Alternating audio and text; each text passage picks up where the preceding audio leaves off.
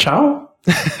Šodien pie mums uh, propagandas studijā viesojas tiesību lāpnese, uh, ikona, uh, persona C, kā daudz viņu arī pazīst Latvijā, kā arī uh, cilvēks, kura portrets būs um, vārnīcā zem jēdziena apņēmība. Evita Goša. Un, uh, protams, aplausos studijā. Un šodienas epizodē mēs uh, divi tā, nu, būtībā Evita atskatīsies retrospektīvi uz um, 2020. gada satversmes tiesas lēmumu, kurā tiesa sprieda, ka vienzimuma ģimenes, vienzimuma pāru ģimenes ir jāaizsargā saskaņā ar satversmi. Atskatīsimies, kādu iespaidu tas ir atstājis Latvijā uz tieslietu sistēmu, uz sabiedrību, un paskatīsimies, kas notiksies tālāk. Tas ir divi ar pusgadu atpakaļ jau. Tad 20. 20. gada novembris nu jau ir 23. gada vasara gandrīz. Un, uh, kur, kur tad mēs esam? Ir, es, es teiktu, tā, ka divi soļi uz priekšu, četri atpakaļ. Vai tā drīkst teikt? Kopumā? Es domāju, ka nē, īstenībā vispirms čau visiem. Čau, protams, tev. Paldies par uzaicinājumu.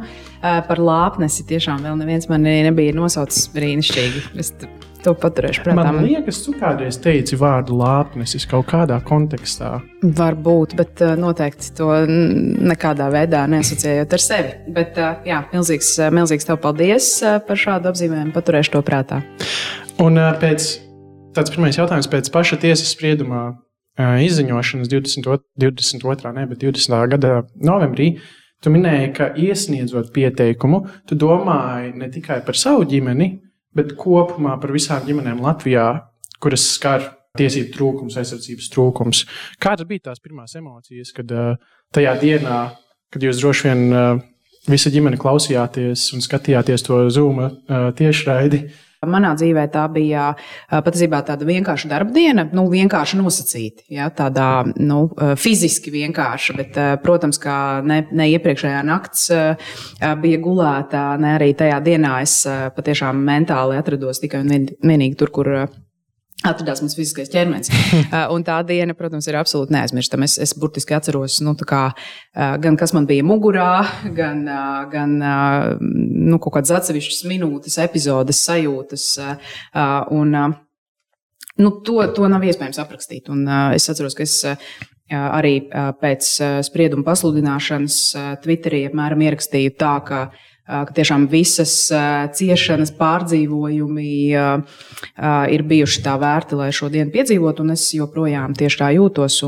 Man īstenībā tā, tā diena un tas spriedums, kuru es joprojām nu, dažādu iemeslu dēļ mēdzu pārlasīt, mhm. man ļoti iedvesmo, un es nepiekritīšu, ka ir divi soļi uz priekšu un četri atpakaļ.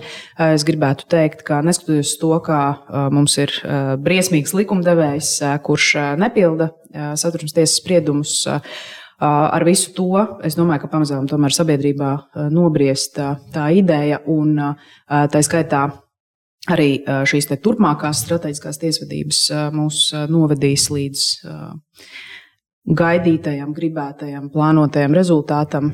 Un noteikti tuvākajos gados mēs sagaidīsim to, ka vienlīdzība tiks nodrošināta. Ļoti skanīgi. Kāda bija pirmā reakcija no apkārtējiem? Vai saņēmāt ziedus no, no draugiem, no radiem? Un, uh, tas bija tiešām ļoti mīļi. Tiešām ļoti mīļi. Visi tie cilvēki, kuri ir sūtījuši ziedus un šampanieti, jūs zināt, kas jūs esat. Es jūs tiešām mīlu. Šampanietis ir izdzerts. šampanietis ir izdzerts. Bet es domāju, tas, kas vēl notika un, un kas bija arī ļoti aizkustinoši, kā telefons sprāga gan no nu, tādiem draugu apsveikumiem, bet, bet, bet bija arī pilnīgi sveši, nepazīstami cilvēki, kuri sūtīja ziņas. Tas bija tāds, nu, arī tāds, nu, varbūt līdz tam nepieredzēts kaut kas, kas nu, arī ļoti aizkustināja. Un tas noteikti palīdz nu, tas rada tādu grūdienu īstenībā darboties tālāk, ka es ļoti labi apzinos, ka, ka man apkārt ir ne tikai draugi, paziņas, mm. kolosāli kolēģi, bet, bet, bet ka tiešām nu, īstenībā visu to, ko, nu, ko, ko, ko gan, gan es, gan, gan, gan citi aktīvisti, ko mēs darām, ka cilvēki to redz. Mm. Jā, un, tas ļoti, nu, tas, tas baigi dzēn uz priekšu. Mm -hmm. Man tas ļoti, ļoti palīdz. Forši prieks dzirdēt, un nu, arī par to jau divi soļi uz priekšu, četri uz atpakaļ.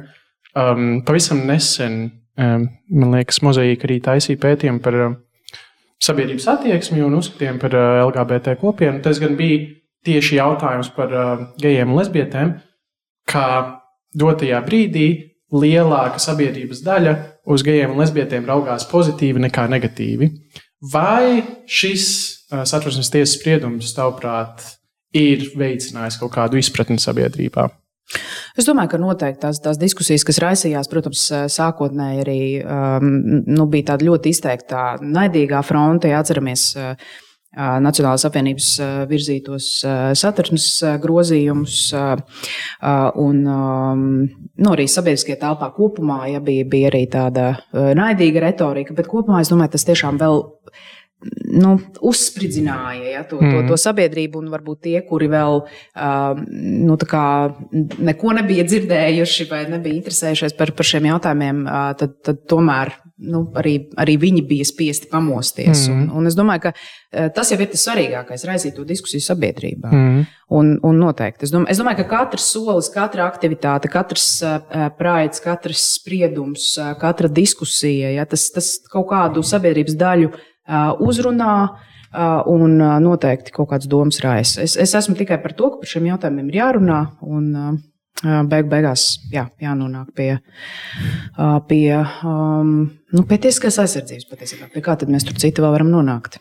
Tad mēs piekrītam paš, pašreizējā Latvijas prezidenta Egila Levita izteicienam, ka jādiskutē.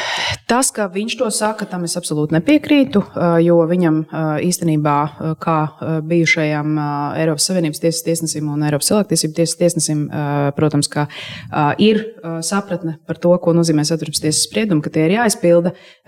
Tam, ka viņš saka, ka ir jāturpina diskusija, tam es, protams, absolūti nevaru piekrist. Tas īstenībā, manuprāt, ir. Es uzskatu, ka tā ir viņa gļēvulības izpausme un tāda, tāds mēģinājums izpatikt Mm, viņš Vi, vis, visiem, ja viņa reitingi ir viszemākie no visiem uh, Latvijas prezidentiem, uh, līdz ar to es tiešām nevaru pateikt, kam viņš vēlas izpatikt. Uh, tas nav katrā ziņā izdevies, ja, jo, jo viņš ir acīm redzot, nu, ne īsti atbilst nu, kādam varbūt nu, tādam homofobiskā, homofobiskāk noskaņotai sabiedrības grupas izpratnē, ne, protams, arī tiem cilvēkiem, kas, kas, kas, kas izprot cilvēktiesības. Bet, bet ne par to stāstu. Es vairāk domāju tieši par tādu par sabiedrību kopumā. Skaidrs, ka nu, nekas cits jau nenotiks, kā, kā diskusiju turpinājums, mm. kamēr mums nekāda tiesiskā regulējuma nav. Un caur šo diskusiju sabiedrībā, protams, mums ir jānonāk pie tā, ka jārada šī sapratne, jāinformē, jāizglīto sabiedrību par to, kā valstīs, kurās ir Gan lau, vienalga, vai tā būtu laulība, vienlīdzība, varbūt kāds cits institūts, mm. reģistrēto partnerattiecību institūts, tieši vienzimumu pārveidotām ģimenēm, kā nekas tur nav noticis ļauns. Heteroseksuāli cilvēki turpina noslēgt laulības dažādu dzimumu starpā, ja, un, un, un tas nekādā veidā, tas, tas, ka vienai sabiedrības grupai tiek piešķirtas tiesības, tas nekādā veidā neatņem tiesības citām sabiedrības grupām. Ja, tā, tā nav kūka ja, kur, kur mēs katrs cīnāmies par kaut kādu gabaliņu, ja, un gabaliņu, piemēram, ir tikai astoņi, ja, un tad mēs izķeram šos gabaliņus, un tad citiem nepaliek. Ja. Tā kā tas, tas, jebkurā gadījumā, nu, es pati tomēr būdama, nu, jau varētu teikt, aktīva tiesību jomā 18 gadus. Es jau tās izmaiņas ļoti labi arī tīri personiski redzu. Un, mm. un tā diskusija ir šobrīd pilnīgi cita līmeņa. Mums ir izaugusi jauna paudze, mums ir uh, šobrīd aktīvi jauni cilvēki, kuriem, piemēram, pirmā prāda laikā bija pieci gadi, ja? un, un šobrīd tie ir pieauguši, pieauguši aktīvi cilvēki, kuri arī aktīvi pauž savu pozīciju un, un, un, un nebaidās iestāties par, par, par savu pozīciju. Mm -hmm. tas, ir, tas ir ļoti svarīgi, ka mums aug arī jauna pilsoniskā sabiedrība, aktīvi jaunieši kuri patiešām nevis kaut kur savā virtuvēs bubina, ja, mm. bet, bet, bet patiešām aktīvi pieprasa līdztiesību. Tas ir ļoti oh. svarīgi. Nedaudz arī atkāpjoties uz to pašu novembra dienu un uz to visu laiku no brīža, kad iesniedz pieteikumu satversmes tiesā, man kā juridisko slīpsvītu tieslietu procesu tādam nezinātājam, cik daudz resursu, cik daudz laika vispār paiet, lai izcīnītu vienu šo normu? Jo jūs jau gājāt tikai par vienu lietu, par tēvu atvaļinājumu. Es varbūt piebildīšu, ka tā jau nebija pirmā lieta, kurā, kurā, kurā, kurā es piedalījos. Man īstenībā tad droši vien jau mēs varam atskatīties uz tādu tālāku vēsturi. Proti, ka vienā brīdī, darbojoties aktīvi mozaīkā, sapratu, ka ka tiešām ir ļoti svarīga tā strateģiskā tiesvedība. Es pati arī darbojoties, nu, piemēram, Ilgi Europe kontekstā, Um, tieši tādā nu, juristu pulciņā, un, uh, kur, kur mēs daudz runājām tieši par, par, par strateģisko tiesvedību, uh, sapratu to, ka tiešām nu, daudzās valstīs īstenībā tas notiek, un, un Latvijā pie mums tas nenotiek. Un, un, uh, un, un es tā ar šo domu jutos diezgan vientuļa. Mm. Jā, tajā laikā tas bija tāds nu, 2000, pēc 2010. gada aptuveni. Un, uh, tad es uh, uzrakstīju pāris rakstus jurista vārdam par, par šī, šīm tēmām, uh, turpināju justies vientuļa. Uh, un, uh, un tad es sapratu, ka vienkārši jārīkojas. Un, un tad mēs uh, izveidojam tādu, tādu vienzimumu pāru veidotu ģimeņu grupiņu, kur mēs bijām pārsvarā nu, pāri ar bērniem. Jā, un, un, un aizvien vairāk runājām par to, ka īpaši tādā bērnu kontekstā mm -hmm. šie jautājumi ir ļoti svarīgi.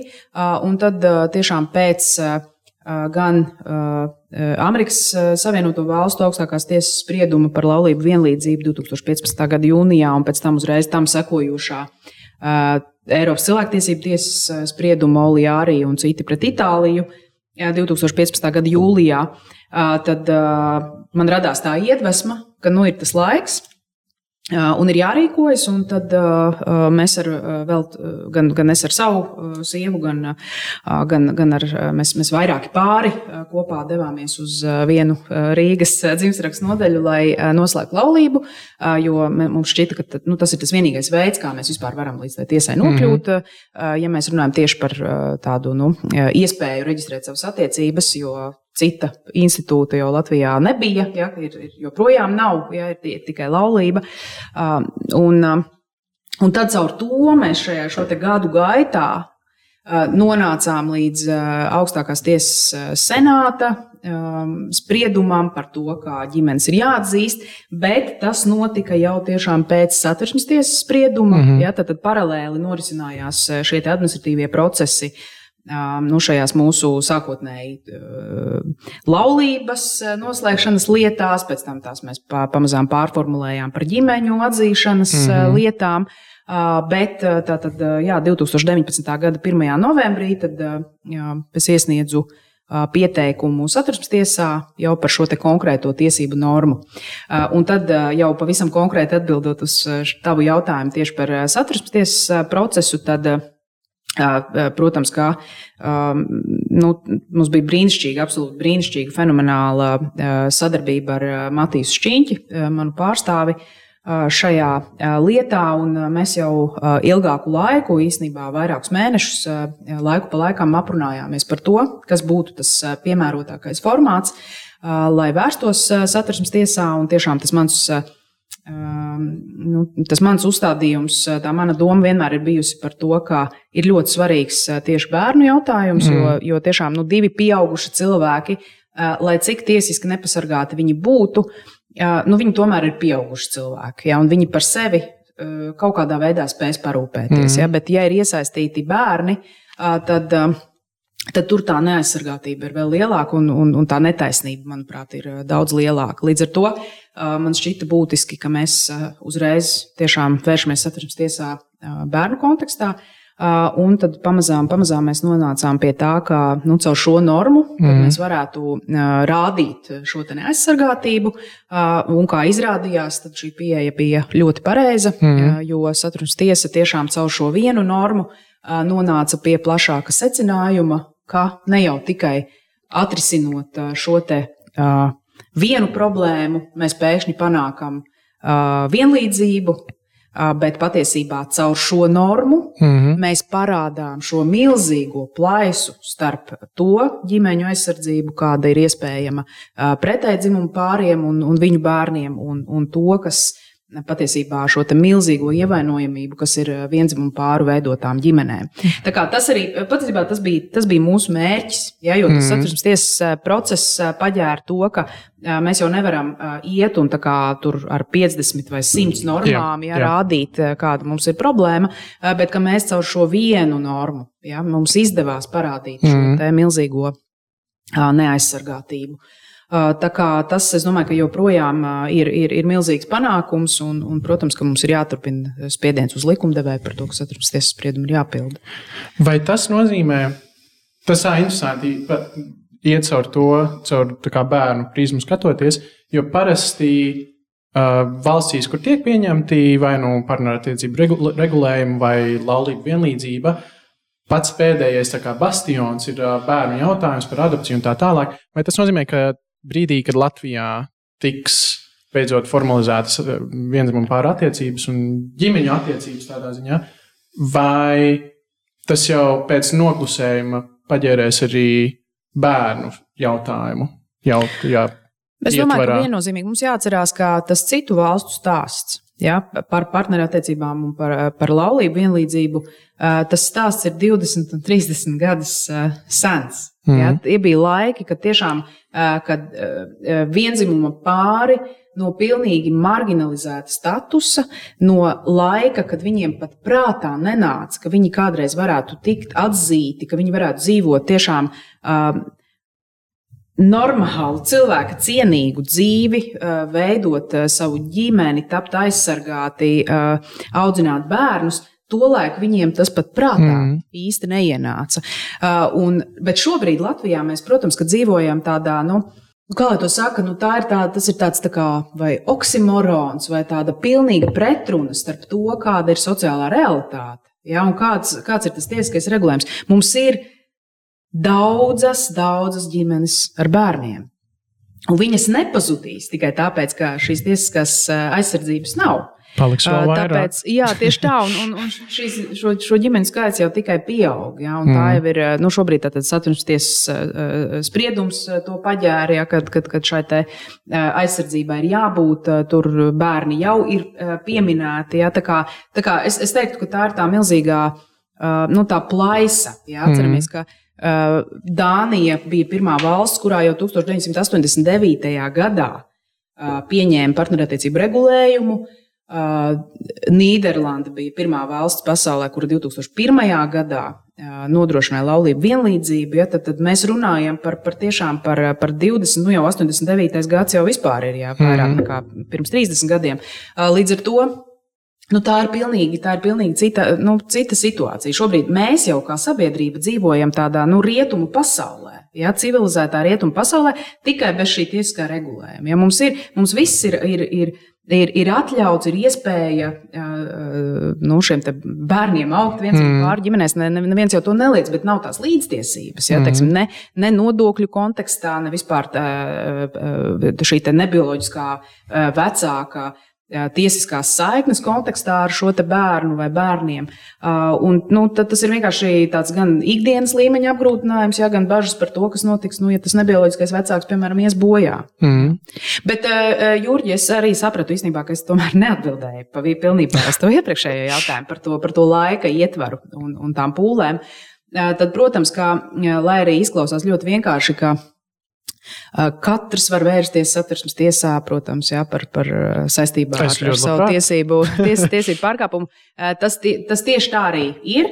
Bet vienlaikus, protams, ja mēs gribam sagaidīt pozitīvu iznākumu, tad, protams, tās pūles, kas tur ir jāiegulda, un, un tie laika resursi un intelektuālais resurss jau ir īpaši, tad tas ir ļoti, ļoti apjomīgs. Mm. Kā līdz tiksim, tā, tā pieteikuma sagatavošana, nu, kuru attiecīgi es iesniedzu 2019. gada 1. novembrī, un tad 2020. gada 12. 12. novembrī mēs sagaidījām spriedumu. Tad, tad aptuveni gads. Mm. Ir nu, šis te jau la, izskat, lietas izskatīšanas laiks, bet, protams, ka tā sagatavošanās pirms tam un viss tas, kas notiek vēl lietas izskatīšanas laikā vai pirms izskatīšanas. Vēl protams, cauri visām instancēm līdz tam bija. Ne? Nē, tas, tas konkrēti, ja ir, mēs š, š, konkrēti šajā gadījumā nu, īsti nav pamata, nebija pamata nu, kaut ko darīt nu, piemēram, tādā administratīvā procesa mm, kontekstā, skaidrs. jo vienkārši mūsuprāt, tiešām nu, konkrētā likuma par... norma ja, neatbilst uh, satversmes normai. Sapratu. Un, uh, līdz ar to tur, uh, nu, teiksim, satversmes tiesa arī to konstatēja, ja, kad, mm. kad nav, uh, nav cita veida, ja, mm. kā šo jautājumu risināt. Lūk, uh, bet uh, katrā ziņā tas bija, es domāju, arī kopumā mm, tāds aizraujošs uh, piedzīvojums galva kūpēja katru dienu. Gan, jā. jā, bet arī es domāju, nu, tīri, tīri arī cilvēciski. Jā, noteikti. Un tādā nu, sadarbībā uh, ar, ar, ar Matīsu un, un domāju, nu, vispārējie iesaistītie cilvēki, gan, uh, gan uh, mozaīka, mm. gan um, es domāju, tas, tas varbūt tas, tas pats. Uh, aizkustinošākais un savā ziņā arī pārdzīvojums, raisošākais varbūt bija tas, ka atceries šajā lietā pie, viena no piecinātām personām bija arī Diana Zande. Čau, Diana, ja tu skaties kādreiz. Um, nu jā, es, es domāju, tas, tas ir aizkustinoši tieši tāpēc, ka, mm, bet es domāju, ka Diānai pašai, protams, viņa dzīvē to ir dzirdējis tieši miljonus reižu. Mm, tas, ka nu, ne, nekas vairs to nemainīs, protams, ka viņa ir kaut kādā mērā nu, leģendāra par savu lāsmiņas lomu limuzīnā Jāņķis krāsā. Un, protams, arī eh, man kā bērnam augot eh, un kādreiz eh, skatoties limuzīnu.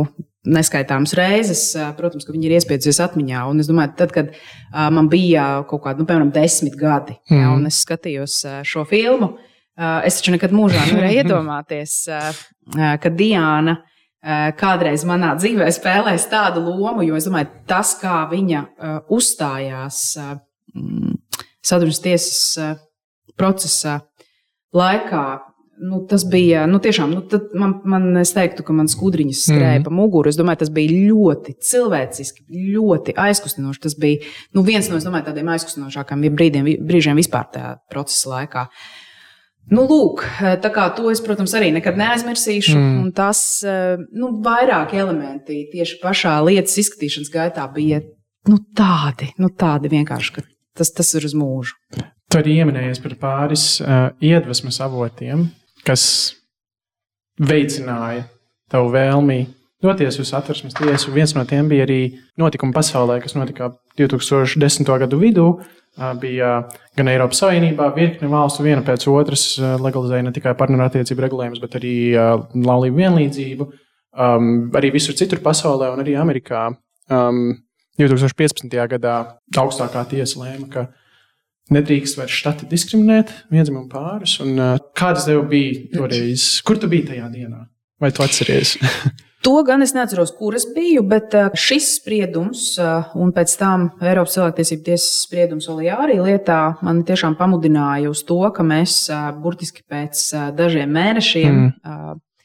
kopā ar vairākiem citiem pāriem devāmies uz pārdaugavas dzimsarakstu nodaļu lai um, nu, izmantotu šo iespēju, ja, uh, mēģināt noslēgt laulību, mm. atteikumu un to apstrīdēt. Ja, un tas, eh, kā redzams, arī deva, deva augļus. Ja, tagad caur šo procesu nu, jau gandrīz 40 ģimenes ir tiesas ceļā panākušas savu atzīšanu ar noteiktām arī dzen, juridiskām sekām, par kurām īstenībā vēl mēs daudz neesam runājuši. Man jāatzīst, ka es arī pati neesmu bijusi pietiekami aktīva, mm. lai, lai nu, šos jautājumus varbūt tā celtu, celtu gaismā, un es ceru, ka to būs tikai aizvien vairāk nu, šo mm. pozitīvo izrietošo seku no šiem te spriedumiem, jau nu jau šķiet arī lēmumiem.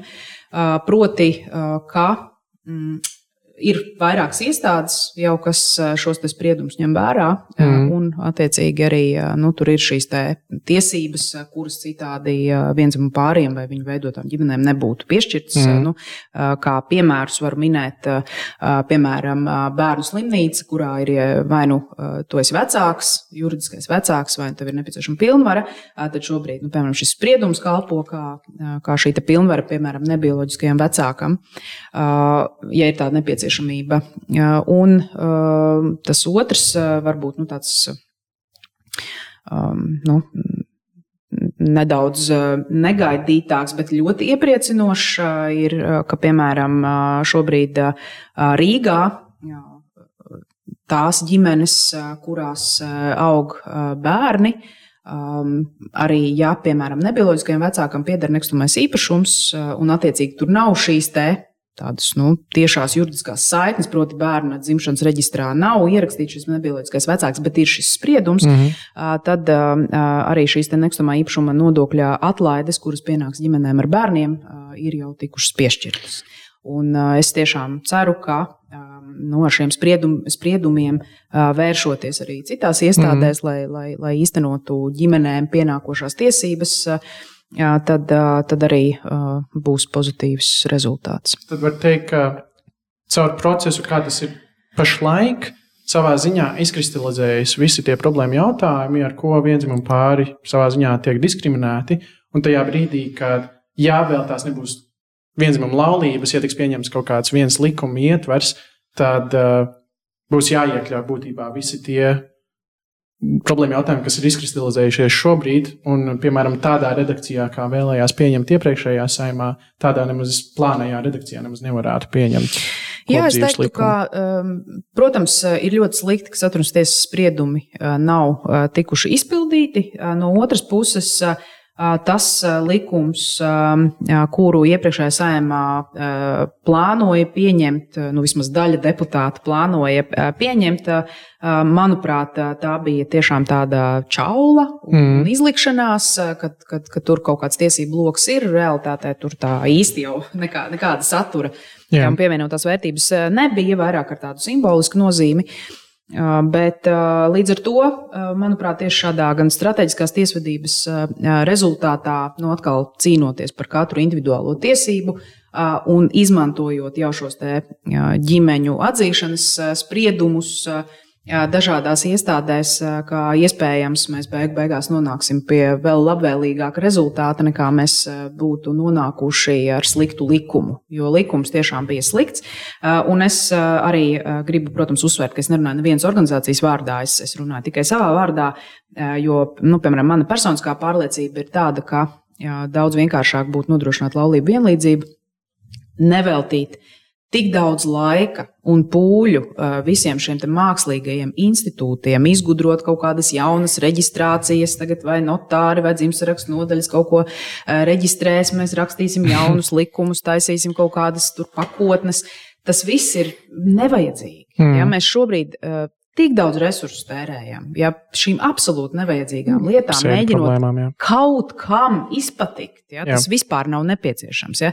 Uztaisam vienkārši grozījumus civil likumā, nelielus grozījumus satversmē, Un lūdzu, laulību vienlīdzību. Un nevienam pilnīgi nekas dzīvē nemainīsies. Ja? Tiem uh, pretēji dzimumu pāriem, kas slēdz laulību. Jā, tas, tas, uh, tas ir tiešām, uh, tiešām traģikomiski. Uh, bet uh, katrā ziņā, jā, es, es, es vienkārši domāju, ka Tur, kur Latvija šobrīd atrodas visdažādākajos kontekstos, un, un, un mēs redzam, ka tā atpalicība, diemžēl, ir aizvien lielāka, mēs liekam tik daudz pūļu jā, jautājumos, kurus varētu atrisināt tik vienkāršos veidos, un tad patiešām strādāt pie būtiskiem valsts attīstības eh, jautājumiem. Eh, kam, nu, man tiešām žēl, man tiešām ir mm. no sirds žēl, ka tik daudz enerģijas tiek eh, tik neliederīgi izlietots. Man te ir tāds uh, aķīgais. Es atradu vienu video ierakstu no 2012. gada, kur uh, tev arī ir. Uh, neliela intervija ar Latvijas televīziju, man liekas. Noklausīsimies. Okay, man ļoti interesanti. Tiesībām likumiski reģistrēt savas attiecības jau gadiem wow. cīnās arī homoseksuāli pāri Latvijā. Mēs to nekādā veidā negribam saistīt ar laulības institūtu. Tas absolūti mums nav nepieciešams. Mēs pagājušajā gadā izstrādājām attiecību likuma projektu. Man jāstrādā arī Baltikā. Okay. Pāriem ir iespēja stāties laulībā. Bet ne, šis video materiāls vienkārši zelts. Mhm. Lielākā daļa mūsu mhm. sabiedrības, jeb 51%, joprojām nespēja pieņemt attiecības starp viena dzimuma partneriem, un tas nosoda. Tieslietu ministri ir analizējusi to situāciju un ir konstatējusi, ka nav diskriminācijas. Pārkāpumi šajā gadījumā Latvijas mm. likumdošanā nav konstatēts Latvijas. Bet likumdošanā. ļoti interesanti arī viņa liktenis ne, pēc atmosfēras spriedumiem? Nav nekādas tiesas procesa, tāda, kas, kur būtu konstatēts Latvijas pārkāpumu, un arī Es teiktu, ka nav.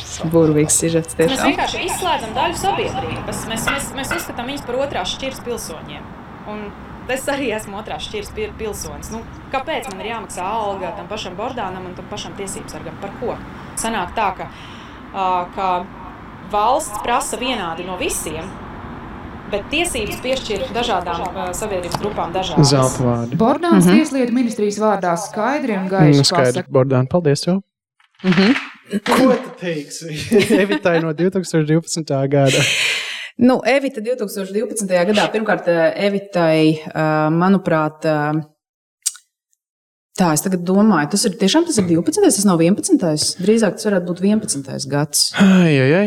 labs jautājums. Uh, mais, tas bija šajā Idaho dienā, 12. gadā. Jā. 12. gadā, jā. Nu, 12. gadā man vajadzēja jau tomēr būt radikālāk noskaņotai. Uh, bet, uh, Nu, tā, es domāju, tā arī ir izaugsme un, un sapratne. Nu, 10 gadi, 11 gadi, tā, tā, tā, tā ir liela, tā ir ceturtā daļa no manas dzīves.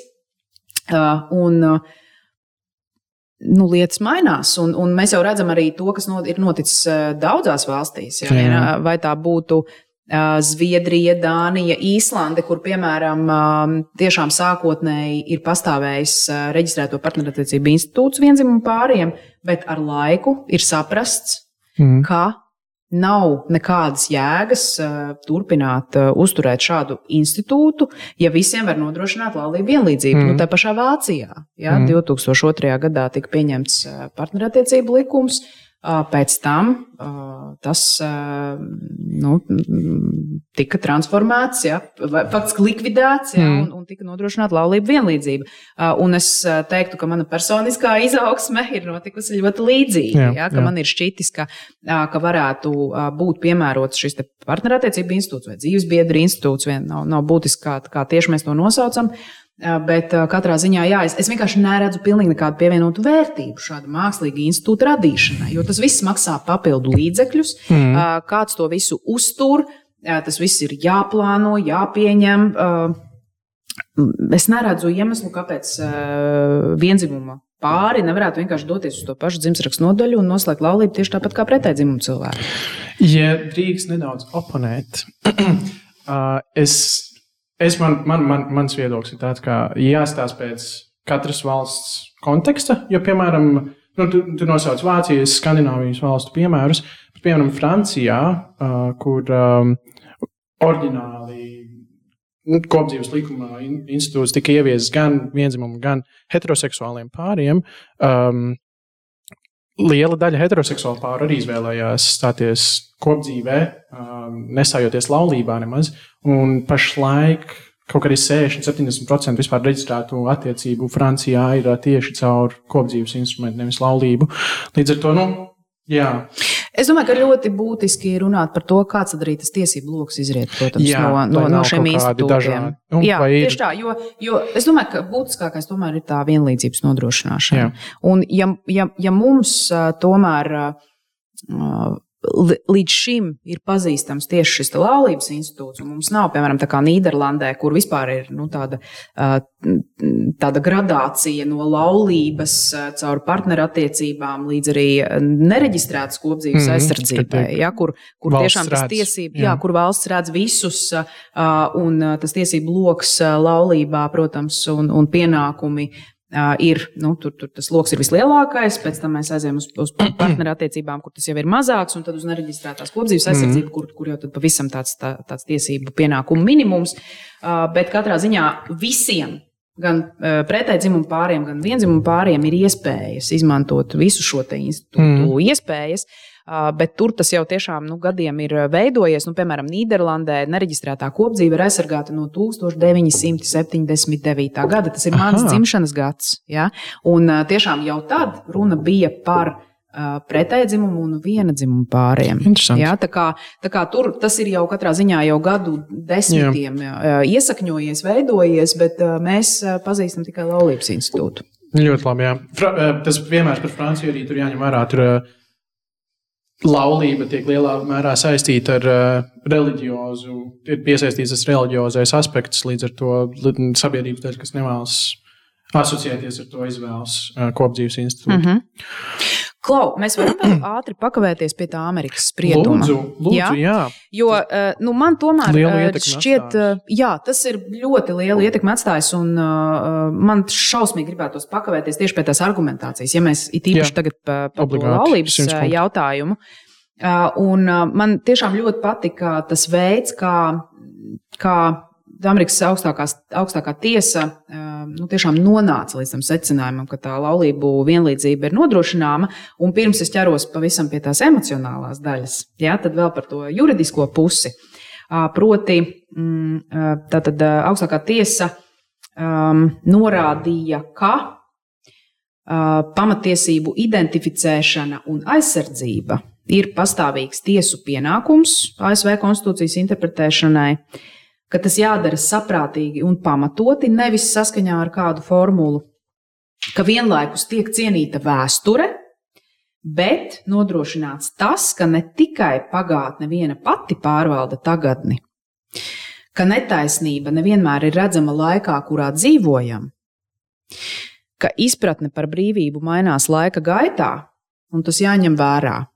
Vēl augstākā tiesa atzina, ka, ja tiesības tiktu noteiktas tikai pamatojoties uz to, kas tās izmantojas pagātnē, tad tas vienmēr varētu kalpot par attaisnojumu, lai jaunas grupas nekad nevarētu lūgt konkrētas tiesības.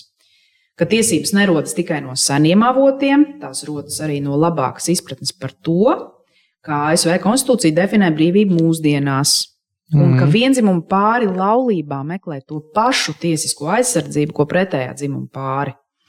Un ka tiesību uz laulību liekšana noniecinātu viņu izvēli un samazinātu viņu individualitāti. Un ka nav jāgaida turpmāki likumi, tiesvedība un diskusijas sabiedrībā. Tiesības uz personisku izvēli attiecībā uz laulību ir individa autonomijas sastāvdaļa, tiesības uz laulību uzskatāmas par pamatiesībām, jo šāda divu personu savienība ir unikāla savā nozīmīgumā. Tā ir. Jā, un tiesības uz laulību, protams, aizsargā bērnus un ģimenes, un laulība ir sabiedriskās iekārtas stūrakmens. Uh, tas viss vēl ir tā sausi, jā, bet uh, tas, uh, es domāju, tas lielākais grūdienis man kā emocionālam cilvēkam ir šis, un šo es tiešām nolasīšu, jo šis ir, nu, Es, tu, es, tu, es to mēdzu pārlasīt. Joprojām. Izglābšanas. uh, jā, arī, arī ceļoties. Bet tiešām šis ir ļoti uzrunājošs. Proti, un, un ar šo beidzas spriedums. Ja, tiek, spriedums kā, noslēdzas ja, tieši ar šo. Jā. Neviena savienība nav dziļāka par laulību, jo tā iemieso augstākos mīlestības, uzticības, ziedošanās, upurēšanās un ģimenes ideālus. Veidojot laulības savienību, divi cilvēki kļūst par kaut ko lielāku nekā viņi reiz bijuši. Kā uzskatām, pierāda daži pieteicēji šajās lietās, laulība iemieso mīlestību, kas var pārdzīvot nāvi. Jo tiešām vismaz divi pieteicēji bija tādi, kuru partneri jau bija miruši. À. Tu nepareizi saprast šos vīriešus un sievietes, ja teiktu, ka viņi neciena laulības ideju. Viņu prasījums apliecina, ka viņi to ciena, ciena tik dziļi, ka meklē iespēju to piepildīt. Viņu cerība ir netikt nolemtiem dzīvē vientulībā, izslēgtiem no viena no civilizācijas vecākajiem institūtiem. Viņi prasa vienlīdzīgu cieņu likuma acīs, konstitūcija viņiem piešķir šīs tiesības. Mm. Nu, manuprāt, tiešām šeit ir viss. Šeit ir pateikts viss, ko mēs visi vēlamies. Iesnieši raksta kā dzinieki.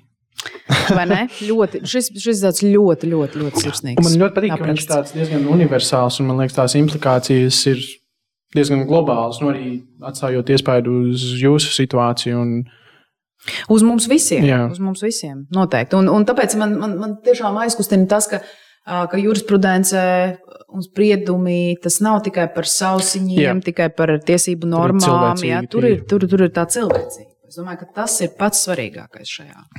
Un tas aizrauja. Es, domāju, es, es jau neesmu vienīgais cilvēks, kas šo citē. Es domāju, ka ir ļoti daudz cilvēku pasaulē, mm. kuri, kuri tiešām šo mēdz pārlasīt un iedvesmoties. ASV ir tāda nu, interesanta zeme. Arī uh, pašam dzīve, nu, ir sanācis padzīvot, uh, saprotu, kāpēc cilvēki tur ir tik crazy. Bet, uh, ja kaut kas šāds labs un pozitīvs iespaido notikumus, nu, atbalsojas arī citur pasaulē, šobrīd, šajā brīdī, mm, Amerikā diezgan nesmugas lietas notiek. Un, nu, godīgi sakot, atsevišķos štatos ir, es teiktu, izvērsts genocīds pret LGBT cilvēkiem. Vai pastāv risks, ka tas kaut kā atbalsojas arī Latvijā? Nu, genocīds varbūt gluži nē, tas par skaļu teiks, bet es saprotu, ko tur to domā konkrētajos apstākļos. Un, un, un, protams, ka LGBT cilvēki nav vienīgā grupa, ja, pret, pret kuru šobrīd eh, tiešām notiek, notiek vēršanās. Tās īstenībā ir arī sievietes, piemēram, ja, kur, kur, kur viss saist, tas, kas notiek saistībā ar abortiem, tas tiešām mm -hmm. ir eh, asins stingzinoši.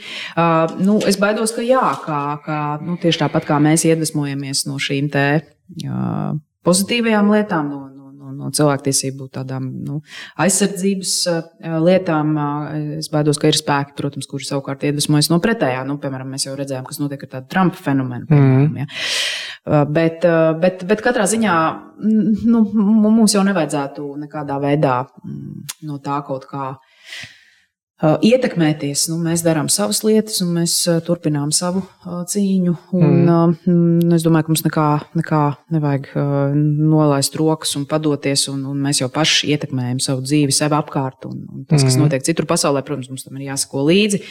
Bet vienlaikus jau daudz kur citur arī notiek pozitīvas lietas. Ja paskatāmies uz to pašu Sloveniju, ja, kura ir kļuvusi Jā. par pirmo tādu nu, mm, nosacītu sociālā bloka, bijušo sociālā, sociālisma bloka valsti, kura, ā, kura ir spējusi saņemties Mhm. jā, un pārkāpt pāri nu, homofobijai, tā varētu teikt. Kādu iespēju atstās jaunās Igaunijas valdības deklarācijas punkts par to, ka vir, Igaunija virzās uz laulību vienlīdzību?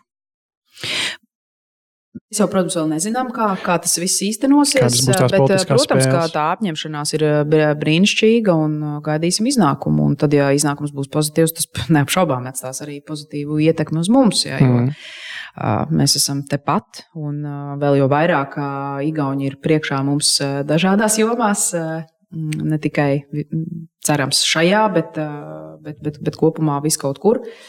Un, tas noteikti, es domāju, nu, turpinās iedvesmot mūsu. Uh, Pavisam nesen, pagājušā gadā pēc saimnes vēlēšanām, parādījās vēsmas par vēlmi rīkot referendumu par um, laulību vienlīdzību ieviešanu Latvijā. Vai Latvijā tas būtu, tavuprāt, veicams savu referendumu? Vai? Gan runa bija nevis par laulību vienlīdzību, bet uh, par uh, to likumu, kuru bija plānots pieņemt iepriekšējai saimai. Bet Mm.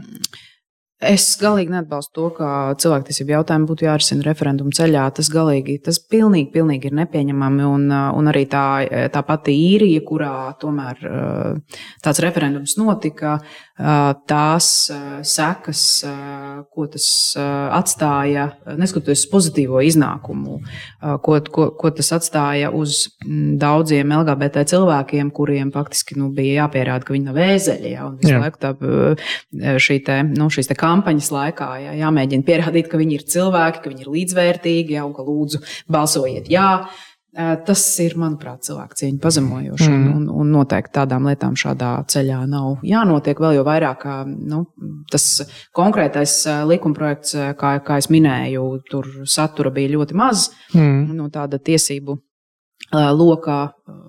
aspekta raugoties.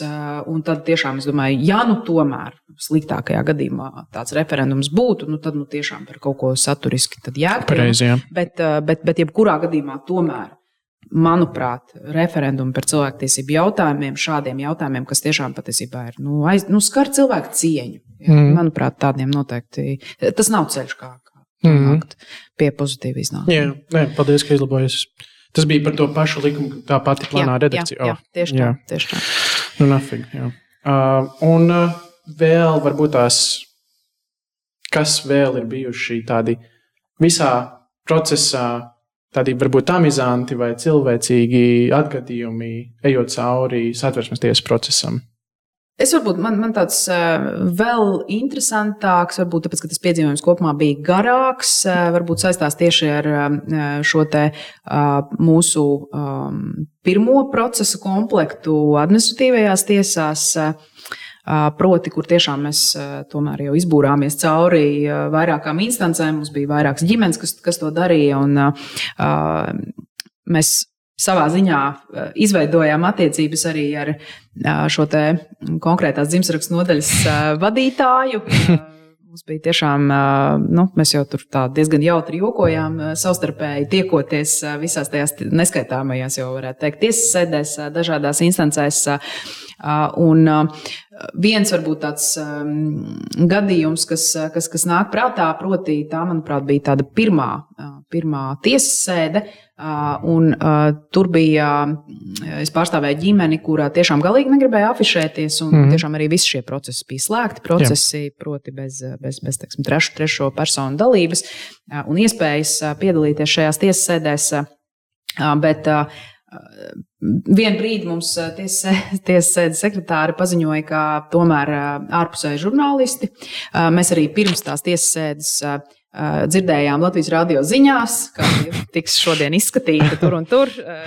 Uh, tāda un tāda brauciet. lieta. Jā, brauciet, sagaidiet, jā, un, un, un tieši tā arī notika. Uh, nu, burtiski uh, viņa teica, ka uh, kamera ir pavērsta pret uh, taisīs vaļā durvis. Un... Uh, durvīm, mm -hmm. jā, un tagad uh, vērsies vaļā durvis, nāks ārā pāris, un tad, nu, pēc, tad nu, tiks intervēts un tā. Un tad, uh, nu jā, un, un tad laipni uh, ar tiesas gādību mēs uh, starpbrīdī izgājām ārā pa, pa dienestā, no. uh, izēju, ieju. Un, nu, tas bija tā, nu, ļoti, ļoti cilvēcīga bija tā, tā, tā saziņa un, un, un sadarbība un, un tā tiesas sapratne. Tur tiešām nu, nebija tā tā kā kaut kā augsti un necilvēcīgi. Mm. Un, un tiešām tas, es domāju, tā atmosfēra ar visu to, ka, protams, mums tajās pirmajās instancēs nevisai labi gāja tā iemesla dēļ, ka tiešām nu, nebija jau tā tiesiskā ietvara. Jā, un skaidrs, ka tās tiesas jau nevar tā vienkārši lemt, ja, uh, nu, bez, bez, bez, bez nekāda šī ietvara, uh, bet, bet, bet tādā pavisam cilvēcīgā ziņā nu, bija ļoti jūtams, ka tas atbalsts mums ir. Mm. Uh, tāpat uh, es pirmo reizi mūžā piedzīvoju arī uh, augstākās tiesas senāta kopsēdi, ja, kur, kur sanāk visi tiesneši. Mm. Tas man arī bija tāds nu, interesants pārdzīvojums. Tā, kā, nu, tā ir tāda milzīga pieredze, es teiktu, gan cilvēciska, gan arī juridiska, jo tā jau bija tāda. Um, došanās nezināmajā, jā. Jā, ar absolūtu, absolūtu nezināmu iznākumu. Man ļoti patīk tas, ko tu teici par to siltumu, ko arī jūs jutāt no tiesnešiem. Kad Es pieļauju, ka šobrīd nu, jau 40 pāri, kas ir izgājuši tam procesam cauri, tie tiesneši, kas viņiem pretī sēž, ir ar tādu. Nu, Nu jau pat, eh, nu jau pat eh, tur vairs, eh, jā, jā, nu jau pat tur vairs neviens nekur nesēž. Tur vienkārši jā. tiek pieņemt lēmumi, bet, bet, bet jā, kopumā tiešām tā, tā pieredze, īstenībā tā tiesvedība pieredze Uh, ir jau no paša sākuma bijusi ļoti pozitīva. Piemēram, atšķirībā no tās pašas polijas, mm. ja, kur, kur mums uh, nu, tiešām aktīvisti ir stāstījuši, ka tur ir uh, ļoti uh, nu, tāda tieši necilvēcīga mm. situācija, ja, kur ir tāda, tāds nicinājums, pazemošana, ja, un uh, nu, tas ļoti, protams, nu, arī apgrūtina tīri cilvēcīgi. Mm. Ja, tas, ir, tas, ir, tas ir vienkārši smagi, ja, ka tev tā jāpārdzīvo vēl par, par kaut ko tādu, ja, kā, kā tev tur pazemos tiesas zālē. Polija, Ungārija ir nu, tādi interesanti atsevišķi gadījumi, bet vai caurmērā tu piekrīti tai tēzei, ka ja, piemēram, Rietumē Eiropā tā tiesība attīstība notika caur sabiedrības, spiedienu, caur reprezentāciju, tad mūsu galā tas notiek caur tiesu sistēmu būtībā. Kopumā jā, bet uh, paralēli uh, es gribētu teikt, ka tā sabiedrības attīstība jau arī notiek. Mums ir, protams, ļoti neveiksmīga sājuma šobrīd izveidojusies. Uh, mēs zinām, ka, piemēram, attīstībai par pietrūka aptuveni 250 balsu. Uh, Kas, kas, protams, ir nu, šķiet, nu kā, jā, jā. Kā, kā tas kāds, kāds bija iespējams, bet nu, tā, tāda ir tā realitāte. Un, uh, jā, tas varēja būt, tas varēja būt vismaz nedaudz citādi. Jā, un tad mm -hmm. tas mhm. spēku samērs arī saimā būtu, būtu citāds. Un, uh, Jā, tā kā, tā kā katrai balsī īstenībā tas tikai demonstrē to, ka katram ir nozīme. Ja? Mēs mm -hmm. katrs varam mainīt lietas. Un uh, nevis, nevis kaut kur savā virtuvē uh, pukstēt par to, cik viss ir slikti. Par to balsu nozīmi, man liekas, sevišķi Latvijā ir ļoti, ļoti, ļoti, ļoti liela nozīme katrai balsī. Jo mēs nekādā gadījumā, man, man liekas, mums jātiek vaļā no tās premises, ka mēs esam izmirstoša tauta, maza nācija. Bet, mēs gan esam izmirstoši. Bet, Maza mēs neesam, bet izmirstoši. Otrādi uz to jāskatās tādā ziņā, ka mazāk cilvēku tavai balsī, tavu balsi dzirdēs vairāk, lielāka sabiedrības daļa. Tieši tā, to man liekas, ir svarīgi. Nu, jā, ne tikai vēlēšanu kontekstā, jā, bet jā. vispār. Mums Aktīvisms katram ir milzīga nozīme. Jā. Tieši tā. Un, um, ok, ir uh, tieslietu sistēma, ir sabiedrība, ir uh, likumdevējs, uh, vai ir vēl kaut kādi ārēji notikumi, kas dotajā brīdī ietekmē to, kā nākotnes tiesvedības process Latvijā varētu virzīties uz priekšu. Uh, piemēram, bija pagājušā gada nogalē, vai pavisam nesen īstenībā. Šī gada sākumā tu, tu, tu domā cilvēktiesību tiesas Jā, spriedumu. tā. Jā, nu, pirmkārt par cilvēktiesību tiesu jāsaka tas, ka cilvēktiesību, Eiropas cilvēktiesību tiesas judikatūra nosaka cilvēktiesību minimālo standartu. Tas mums vienmēr ir jāatceras, ka tas nav nekāds ideāls, uz ko mm. tiekties. Pirmkārt, mums ir jāsaprot, ka Eiropas padomes dalība valstis ir ļoti dažādas savā cilvēktiesību izpratnē un vispār mm. kultūras kontekstā un, un tā tālāk. Tāpēc nu, tā ir tāda vidējā temperatūras slimnīcā, ja, ko, ko Eiropas cilvēktiesību tiesas judikatūra nosaka. Un pat ar visu to Eiropas cilvēktiesība tiesa beidzot ir tikusi līdz tam, ka vienzimumu pāru veidots ģimenes ir jāaizsargā. Tātad pat šis minimālais Jā. standarts šo nosaka. E, es ļoti rūpīgi esmu sekojis līdzi e, šie, šai judikatūras attīstībai jau no 1981. gada, kad, e, kad šis pirmais spriedums noteica, ka vīriešu seksuālu attiecību kriminalizēšana pārkāpja tiesības uz privāto dzīvi. Mm -hmm. Un mēs šo gadu gaitā, tas ir noticis manā dzīves laikā, ja, šī attīstība, kas ir ļoti interesanti, jo man vienmēr to tā patīk mērīt ja, pret, pret, pret savu vecumu.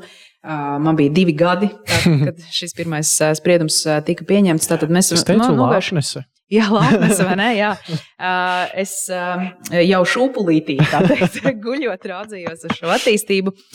Um, bet, uh, jā, ja mēs nopietni runājam, tad tiešām tā attīstība jau arī ir notikusi strauji. Mm. Ja mēs esam tiešām no šīs te, uh, krimin, seksuālo attiecību starp vīriešiem kriminalizācijas. Uh, nu, atzīšanas eh, par, par pretiesisku gājuši cauri visdažādākiem jautājumiem, caur to, vai, piemēram, homoseksuāli cilvēki var dienēt armijā, ja, un, un tā tālāk, un tā tālāk, un vai viņi var kļūt, vai viņi var adoptēt, ja, vai, vai viņu pāru tiesības kaut kā ir jāaizsargā, un tā tālāk. Nu, tur ir vesels spektrs, ir milzīgs skaits Jā. ar lietām par dažādām tēmām. Un līdz beidzot mēs nonācām līdz šai te, lietai Fedotova un citi pret Krieviju, kur īsnībā ļoti interesanti, ka jau 2021. gadā, 21. gada 13. jūlijā Eiropas cilvēktiesība tiesa jau taisīja pozitīvu spriedumu, bet Krievija lūdza nodot lietu izskatīšanai tātad cilvēktiesību tiesas lielajā palātā. Un tādējādi mēs tikām pie šī gada janvāra sprieduma, mm. ja, kurš jau tad ir attiecīgi neapstrīdams, ja, stājas spēkā kāds nu ir. Un, attiecīgi, tātad lielā palāta 17 tiesnešu sastāvā taisīja šo galīgo spriedumu, bet pēc būtības tas spriedums, nu, varētu teikt, nu, saturiski jau bija skaidrs. Tas saturs jau pēc savas būtības attiecas arī uz Latviju. Ja, tādā izpratnē, ka, nu, kā, kā šeit minēts, ka netradicionālās ģimenes vērtības, saucamās mūžam Jā. piesauktās, ja, ne lielākās daļas, nu, konkrētajā gadījumā Krievijas iedzīvotāju jūtas, mm -hmm. ja, mhm. par kurām, protams, īstenībā arī šobrīd šīs jūtas kontrolē Putins jā. Jā, un viņa pakalpiņi. Un arī, nu, tā vispār ir lauzīta demokrātijas izpratne. Jā, protams, protams. Ne nepilngadīgu aizsardzība no homoseksualitātes veicināšanas, jā, nu, visi Propaganda. šie fenomenālie formulējumi. Nevar attaisnot vienzimumu pāru juridiskas atzīšanas un aizsardzības nesamību. Ja, tad, tad šie ir argumenti, kur principā tiek izmantot arī Latvijā. Jā. Un tā tad šie argumenti vienkārši nestrādā. Mm. Ja, tie nestrādā, un tā tad Krievija nav izpildījusi savu pozitīvo pienākumu nodrošināt pieteikumu iesniedzēju tiesības uz privātās un ģimenes dzīves neaizskaramību. Kādu ietekmi tas atstāja? Tādu reālu ietekmi. Vai mums ir tik piešķirtas sankcijas, ja mēs neievērojam kaut ko? Nē, nu, tieši kopumā jau ir tā, ka, ka spriedums tiek taisīts pret valsti. Mm. Jā, un šis spriedums nav taisīts tieši pret Latviju, jā, bet nu, mēs saprotam ļoti labi, ka šīs lietas apstākļi ir nu, faktiski pilnībā, pilnībā pielīdzināmi jā. Latvijas apstākļiem, vēl jo vairāk Latvija jau šobrīd nepilda arī pati savus spriedumus. Tā kā nu, es, es baidos, ka droši vien ka Latvija vēlas sagaidīt lietu pret, pret Latviju. Tad tāds intriģējošs jautājums. Jā. Vai Jā. būs lieta pret Latviju? Es domāju, ka būs lieta pret Latviju.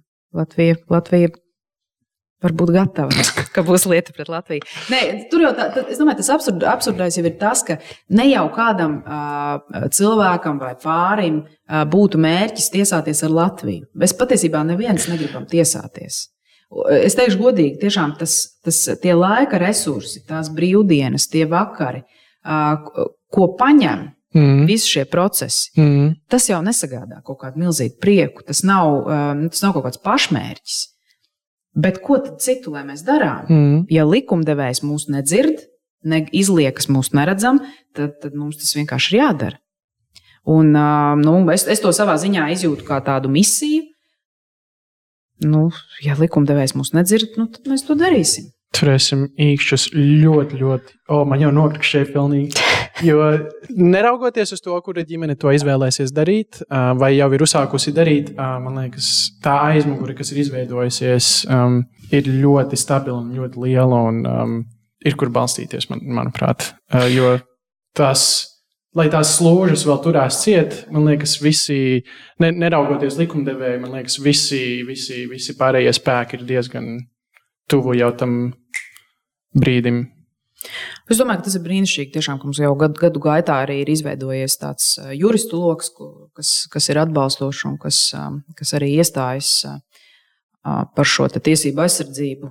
Tas ir ļoti būtiski. Jo tiešām es saku, 2015. gadā es biju pilnīgi, pilnīgi pati. Es, es, jā, es, es esmu konsultējusies, aprunājusies ar, ar, ar, ar paziņām, draugiem, um, aktīvistiem, bet, um, bet, bet tolēk bija ļoti vientuļi šajā mm. jomā. Tagad tā galīgi vairs nav. Tagad īstenībā ir ļoti, ļoti forša sajūta, kā tu saki, tā pleca sajūta. Un pie šī paša arī, ko tu teiktu tiem pāriem, kas domā par prombraukšanu, vai tieši otrādi par pāriem un ģimenēm, kas dzīvo jau ārvalstīs un prāto vai pārvākties uz Latviju, vai tagad ir īstais laiks?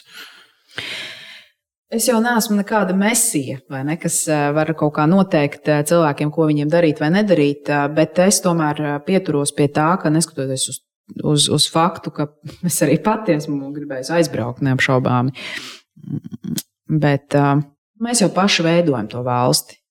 Un ja visi aizbrauks, tad paliks tikai tie citi veidotāji, mm. ja, par kuriem mēs neesam priecīgi, ka viņi ir, veido uh, mūsu valsti. Uh, un kā mēs jau tikko izrunājām, uh, mēs jau katrs varam tās lietas ietekmēt. Un, uh, Un tad katrs, protams, pats, pats var pieņemt lēmumu, vai viņš kaut ko grib ietekmēt, vai tomēr viņam piemērotāks variants, vai viņai piemērotāks variants ir, ir, ir aizbraukt un varbūt kaut ko ietekmēt vai neietekmēt citur. Es to, protams, nekad nevaru, nevaru noteikt. Mēs esam visi brīvi cilvēki, pieņemam savus lēmumus, bet katrā ziņā vismaz tas mans lēmums ir, ir tāds, ka es, man patīk darīt to, ko es daru. Es jūtos ļoti laimīgi visādā ziņā, gan profesionāli, ģimenē un, un tā tālāk. Es, es esmu ļoti enerģiska un man sagādā milzīgu gandarījumu nu, teksim, tādi sasniegumi kā, kā nu, šīs veiksmīgās tiesvedības. Vai, mm. nu, man, man vispār patīk darboties jomās, kurās Latvija galīgi nav pirmajās vietās. Nu, šobrīd, piemēram, es ar lāpstu.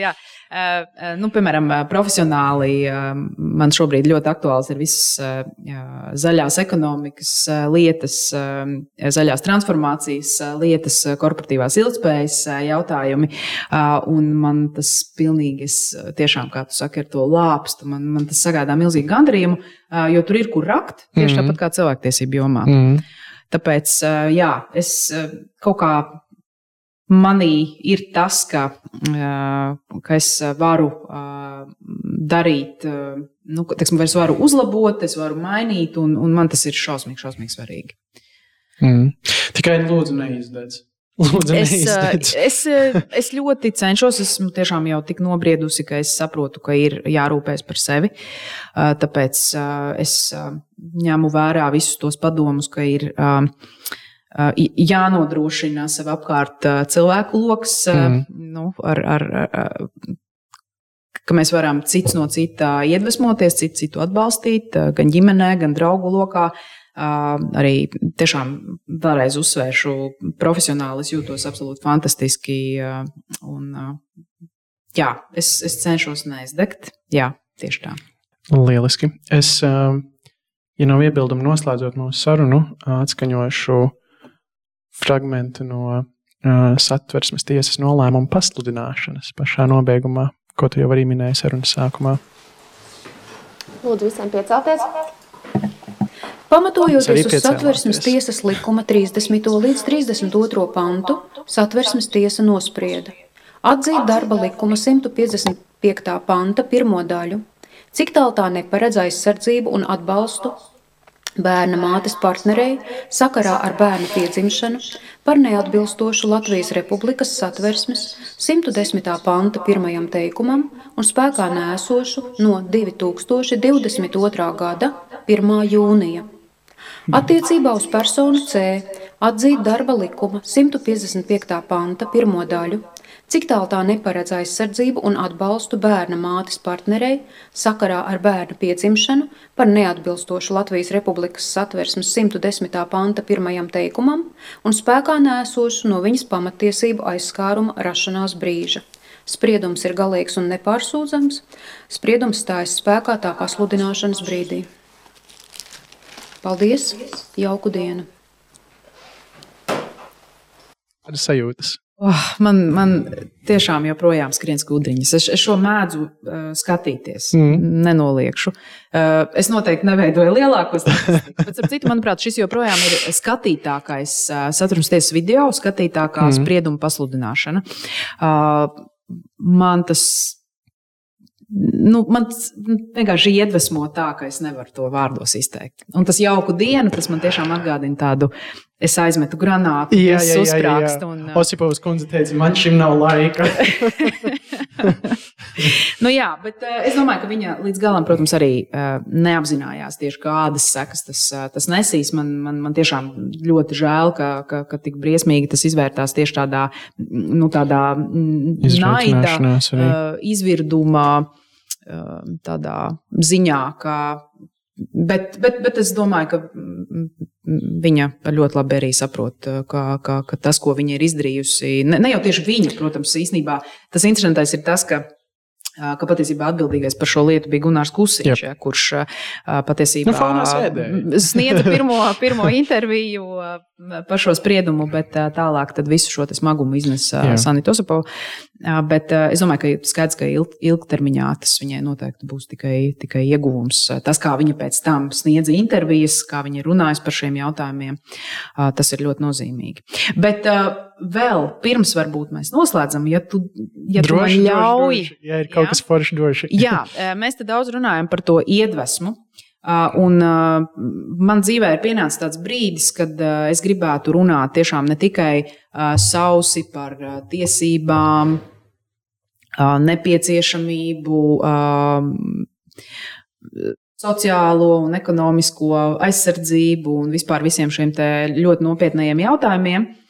Man šķiet, ka ir tiešām ļoti svarīgi nu, runāt tā pavisam brīvi, tā skaitā par lietām, kas mūs iedvesmo, un tā skaitā rādīt to, ka tiešām kļūst labāk. Ja, ka ir nesalīdzināmi labāk nekā ir, ir bijis jebkad iepriekš, arī mūsu reģionā.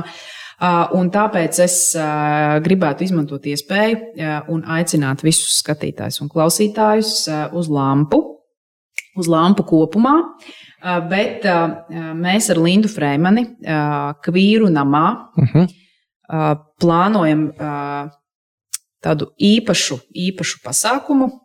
Es to varētu nosaukt par performanci, kur mēs vienu stundu, 10. jūnijā, laikā no 17. līdz 18. Ļoti labā laikā.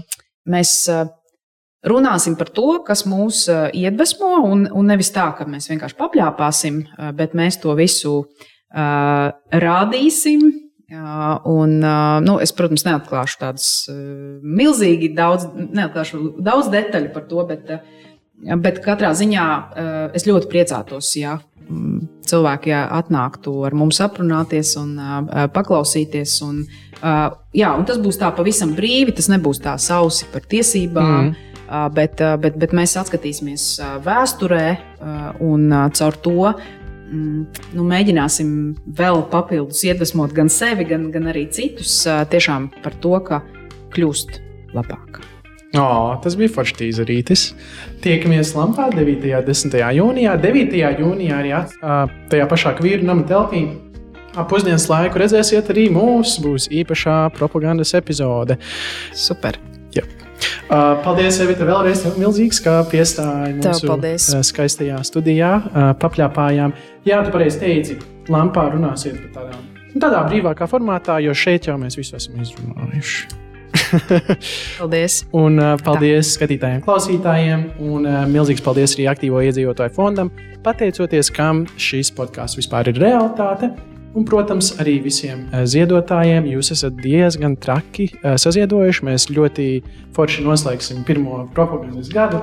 Un, ja arī tu vēlies noziedot un atvērt savu iespēju skati, dodies uz eh, adresi safespace.lv slīpsvītra propaganda. Tiekamies! Čau!